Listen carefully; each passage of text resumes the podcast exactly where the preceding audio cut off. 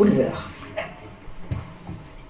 Um, aan belangrijke filosofen, schrijvers en acteurs um, wordt in interviews altijd gevraagd waar zij, nu wij eenmaal uit het paradijs verdreven zijn, uh, vervolgens het liefste terecht zouden komen. In de hemel of in de hel. En tot nu toe hebben alle geïnterviewden daarop, uh, in navolging overigens van Machiavelli en Freddie Mercury, geantwoord dat ze het liefst uh, naar de hel gaan. Omdat, zeggen zij altijd, daar de leuke mensen zitten. Uh, seriemoordenaars, de bankiers, de romanschrijvers. Of zoals ik laatst een ambitieuze soapster hoorde zeggen, ik ga naar de hel, want daar zitten de toffe mensen. Uh, ik weet zeker dat als ik mocht kiezen, dat ik voor de hemel zou kiezen. Omdat ik zeker weet dat René ook die kant op komt. um, ik kan me René althans heel goed voorstellen, zittend aan Gods voeten, rokend, drinkend en schunnig taal uitslaand. Uh, veel schunniger dan mij gepast lijkt in het gezelschap van engelen. En altijd op zoek naar de bright side life. En volgens mij is dat namelijk het enige verschil tussen hemel en hel. Uh, in de hel zit je opgescheept met mensen die alles negatief duiden. Of zoals René zou zeggen, die alles volkomen kut vinden. En dat is dan precies het soort taalgebruik waarbij ik zo mijn twijfels heb. terwijl je in de hemel verkeert in het aangename gezelschap van mensen die denken dat er nog wel een mouw aan te passen valt. Um, het is dit verschil tussen negatie en positie, um, tussen deconstructie en constructie, tussen tegenspreken en het kiezen van een standpunt dat René al zo lang bezighoudt. En je hebt net gehoord hoe hij daarin is tegengesproken in zijn uh, gekozen standpunt. En u zult van mij begrijpen dat ik hem ga bijvallen. Um, en ik wil kort iets zeggen, niet zozeer over de negatie als wel over de positie. Um, het positieve. Allereerst wil ik iets zeggen over mijn eigen fascinatie met het hemelse en het positieve. En dat is deels een, een, uh, literaire en artistieke fascinatie met uh, het schone en het goede, het en het bo, zoals wij zojuist horen. En daarna zeg ik kort nog iets over de wetenschapstheoretische fascinatie van René. Um, dan wil ik uh, trouwens vandaag op geen enkele manier de indruk maken dat een van ons beiden een hemels uh, mens is, nog, nog René, nog ik. Um, van René heb ik geleerd dat filosofen zich over het algemeen altijd interesseren voor precies die theorieën en benaderingen die haak staan op hun eigen persoonlijkheid. De ordelijke filosofen die zoeken naar chaos en de chaoten die zoeken naar orde. En zo kan het ook gebeuren dat um, hij en ik beiden, um, hoewel wij allebei zeldzaam zwaar op de hand zijn en geneigd tot al kwaad, uh, een hang hebben naar de zonzijde der dingen. En dat is alleen maar omdat die zonzijde ons zo vreemd is. Uh, voor mezelf kan ik zeggen dat ik niet zozeer ongelukkig word van de negatie in het algemeen.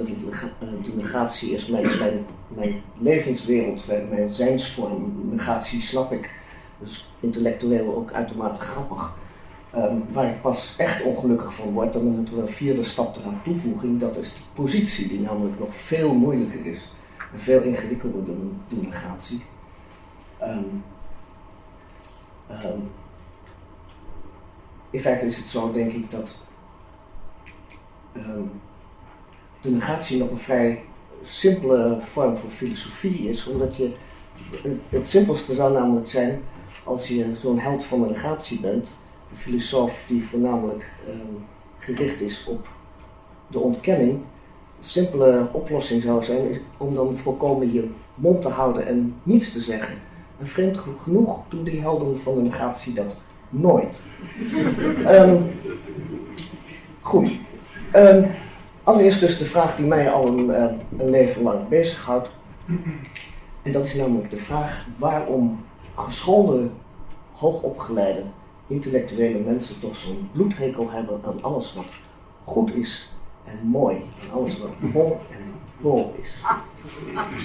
Uh, een paar jaar geleden las ik een interview met de Engelse schrijver Ian McEwan. En die ging op prat op dat hij in zijn roman Saturday een portret, portret had geschilderd van een goed huwelijk. Uh, twee mensen die gewoon simpelweg van elkaar hielden. En hij pakte daar nogal over uit in het interview, want hij zag dat van zichzelf als een uiterst dappere keuze. Um, om nou eens niet in te zoomen op de, de problemen die ontstaan in, in, relaties tussen twee mensen, maar gewoon uh, schrijven over genegenheid en geborgenheid. Gewoon een aardig portret maken, dus van een goed huwelijk. Het was, zei hij, een dekselse en gedurfde keuze. Um, want, en, en, en dat is ook wel zo, want, want zijn wij als, als goed opgeleide en serieuze lezers niet altijd bang dat wij kitsch te lezen krijgen en schmaltz en junk, zodra er mooie en aardige mensen um, in, in, in, een roman verschijnen, die dan ook nog uh, heerlijke huwelijken met elkaar hebben. En zo'n huwelijk als dat van Babse, nee, dat is eigenlijk simpelweg kitsch. um, ik heb me dat tenminste al vroeg in mijn leven op betrapt dat als ik tijdens het televisiekijken zit te zappen en ik zie dat er een film is waar alleen maar mooie mensen in, meespelen, dat ik doorzap. Want zoveel mooiheid en goedheid, dat kan natuurlijk geen interessante film opleveren. Um, en ook Ian McEwan, toen ik er wat langer over nadacht, heeft het helemaal niet aangedurfd om een boek te schrijven over een mooi huwelijk. Um, want hij laat de lelijkheid, de inval in Irak en vervolgens komt er nog een randcrimineel zijn eigen huis binnenvallen. Die komen ook allemaal dat boek binnen. Uh, in, in, een poging natuurlijk van Ian McEwan om aan de lezer duidelijk te maken dat hij wel degelijk een belangrijk boek heeft geschreven. U weet dat er ergens catalogus is van oorlogen en rampen en enge ziektes voor iedere schrijver of filmmaker die de indruk van diepgang of sophistication wil nalaten op de serieuze kijker. Ik kan de catalogus wel eens voor opschrijven. Er gewoon naast um, het aardigste dat ooit over die, over die hele beoordeling van mooiheid en lelijkheid is gezegd, is ooit uh, gezegd door Ernst Gombrich, beroemde uh, kunsthistoricus, aan het begin van zijn boek The Story of Art, dat iedere student kunstgeschiedenis moet, moet lezen, de aanvang van zijn studie. Um, al meteen op de eerste bladzijde laat Gombrich twee, um, twee plaatjes zien, twee, twee portretten. Eén is van het zoontje van Rubens en het andere portret is van de moeder van Dürer. En dat zoontje van Rubens is uitermate een mooi jongetje. En de moeder van Dürer heeft het minder goed getroffen. Um, zij is uitermate lelijk. Ze uh, heeft, uh, komt overigens in de beste families voor een lui oog. Um, wij leiden, daarbij dan ook aan. Maar uh, het is een hele lelijke moeder. Um, maar, zegt Kombrich daar, het zijn allebei even schitterende portretten. Het, het zoontje van Rubens is natuurlijk mooier dan de moeder van Dürer, maar dat maakt op zich de tekening niet mooier. En hij zegt dan, kijk maar eens naar die fabelachtige techniek waarmee Dürer dat portret heeft, uh, heeft gemaakt. En, en, en, vooral ook de liefde in het schilderij waarmee die, die schamele moeder op papier heeft gekregen. Um, de vrouw mag niet mooi zijn, maar het portret is dan wel. De boodschap van Gombrich is, het gaat in de kunst niet om de schoonheid van de geportretteerde, maar om de schoonheid van een portret. Um, als Gombrich vandaag de dag iets zou kunnen zeggen over die twee portretten, dan zou hij misschien ook tegelijkertijd de tegenovergestelde observatie maken. Uh, er is namelijk immers een, een, cultuur ontstaan waarin de kunstbeschouwer geneigd is uh, de moeder van Dürer interessanter te vinden dan het zoontje van Rubens. En die neiging om de moeder van Dürer meer te bewonderen alleen maar omdat ze lelijker is, heeft zoals gezegd veel misverstanden opgeleverd.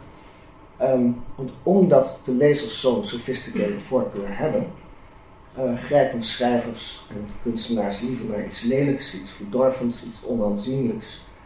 Um, de, de, zelfkant daar dingen rottend en gistend en druipend.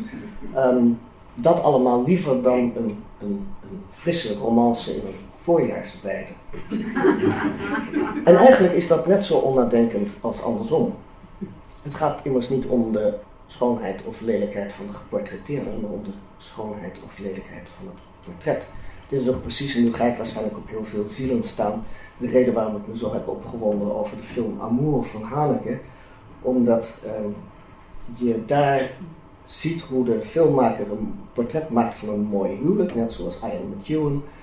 Um, en hij ehm, zet de schoonheid van alles ook nog eens extra dik, dik aan. Het appartement is, uh, is onbegrijpelijk beautiful daar in Parijs.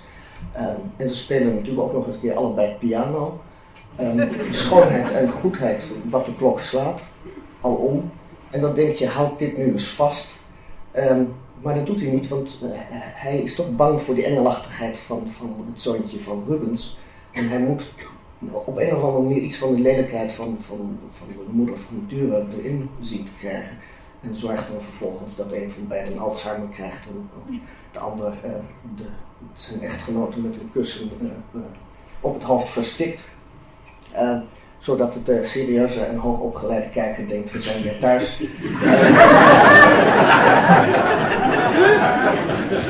zodat je aan zo'n zo'n zo'n portret van een mooi huwelijk toch de sophistication van, van het verval meegrijft. En dat precies was het moment waarop ik dacht, hier begint het echt kitsch te worden.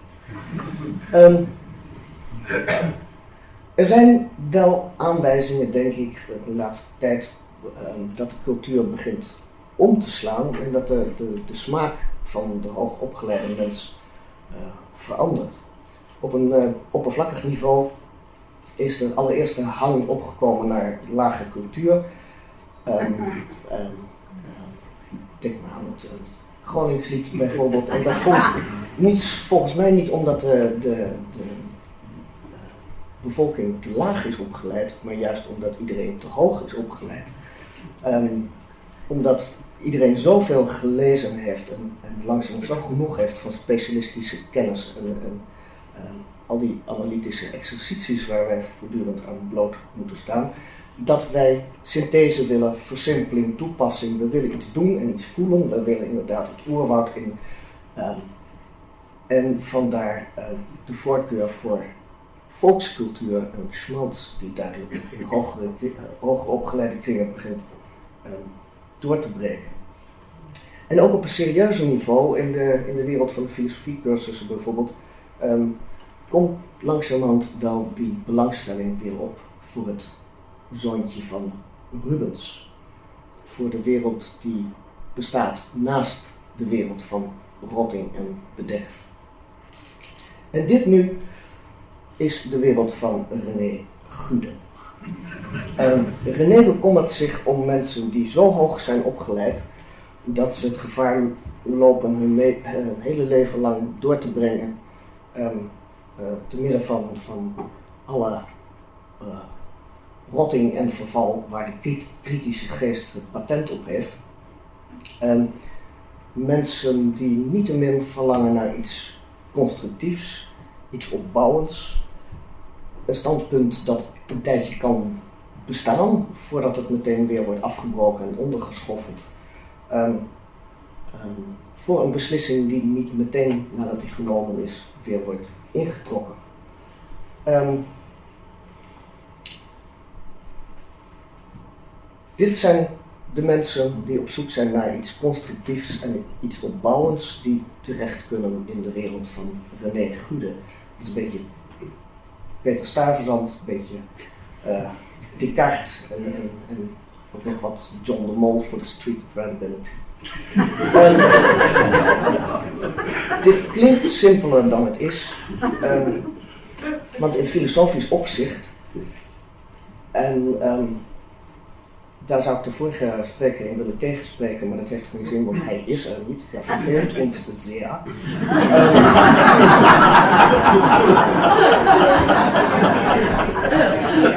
in filosofisch opzicht is positie kiezen veel lastiger dan de positie van anderen negeren. Um, niet alle filosofen weten dit. Um, Uh, het is veel lastiger te bewijzen dan dat God bestaat, dan te bewijzen dat alle anderen niet hebben bewezen dat God bestaat. Het is veel lastiger uh, ja te zeggen dan nee te zeggen. Um, dat is ook de reden waarom al die mensen die zo vaak nee zeggen en voortdurend aantonen dat anderen het bij het verkeerde eind hebben, altijd zo verschrikkelijk lang praten. Want uh, het zeggen van ja is zo ongelooflijk veel moeilijker. Toch is René een van de weinige filosofen en wetenschappers in Nederland die altijd op zoek is naar de bejahung.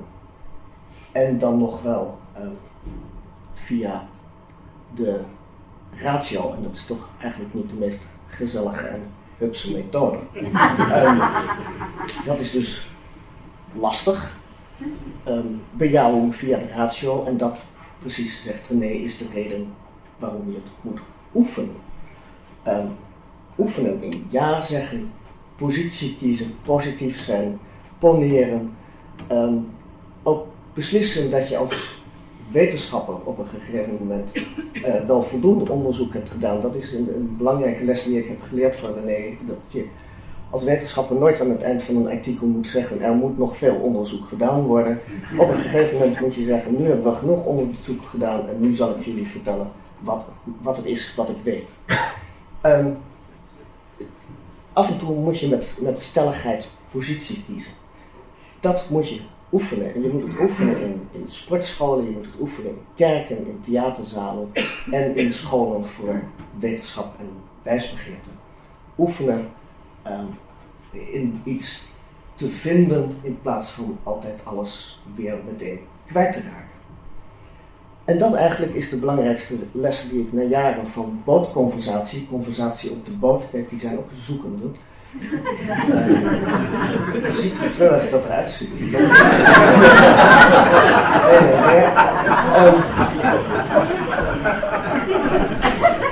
het is de belangrijkste les die ik in al die gesprekken die wij hebben gevoerd door de jaren op de boot van René um, heb geleerd om af en toe positie te kiezen. En ik probeer daar uh, tegenwoordig eerlijk naar te leven, al word ik natuurlijk nooit zo monter en stellig en overrompelend als mijn lieve vriend René. Um, maar ik weet dat ik als ik niet weet wat ik moet doen, gewoon precies hetzelfde moet doen als uh, Hugh Grant, die in die film met al die uh, bruiloften en partijen een advies krijgt, uh, net als die op het punt staat zelf naar het altijd te lopen om te gaan trouwen, en dan zegt tegen iemand tegen hem. Um, als iemand je een vraag stelt, moet je ja zeggen. en dat doe ik dus ook. Ik weet niet precies wat de vraag was. maar het antwoord is ja. Yes, I do.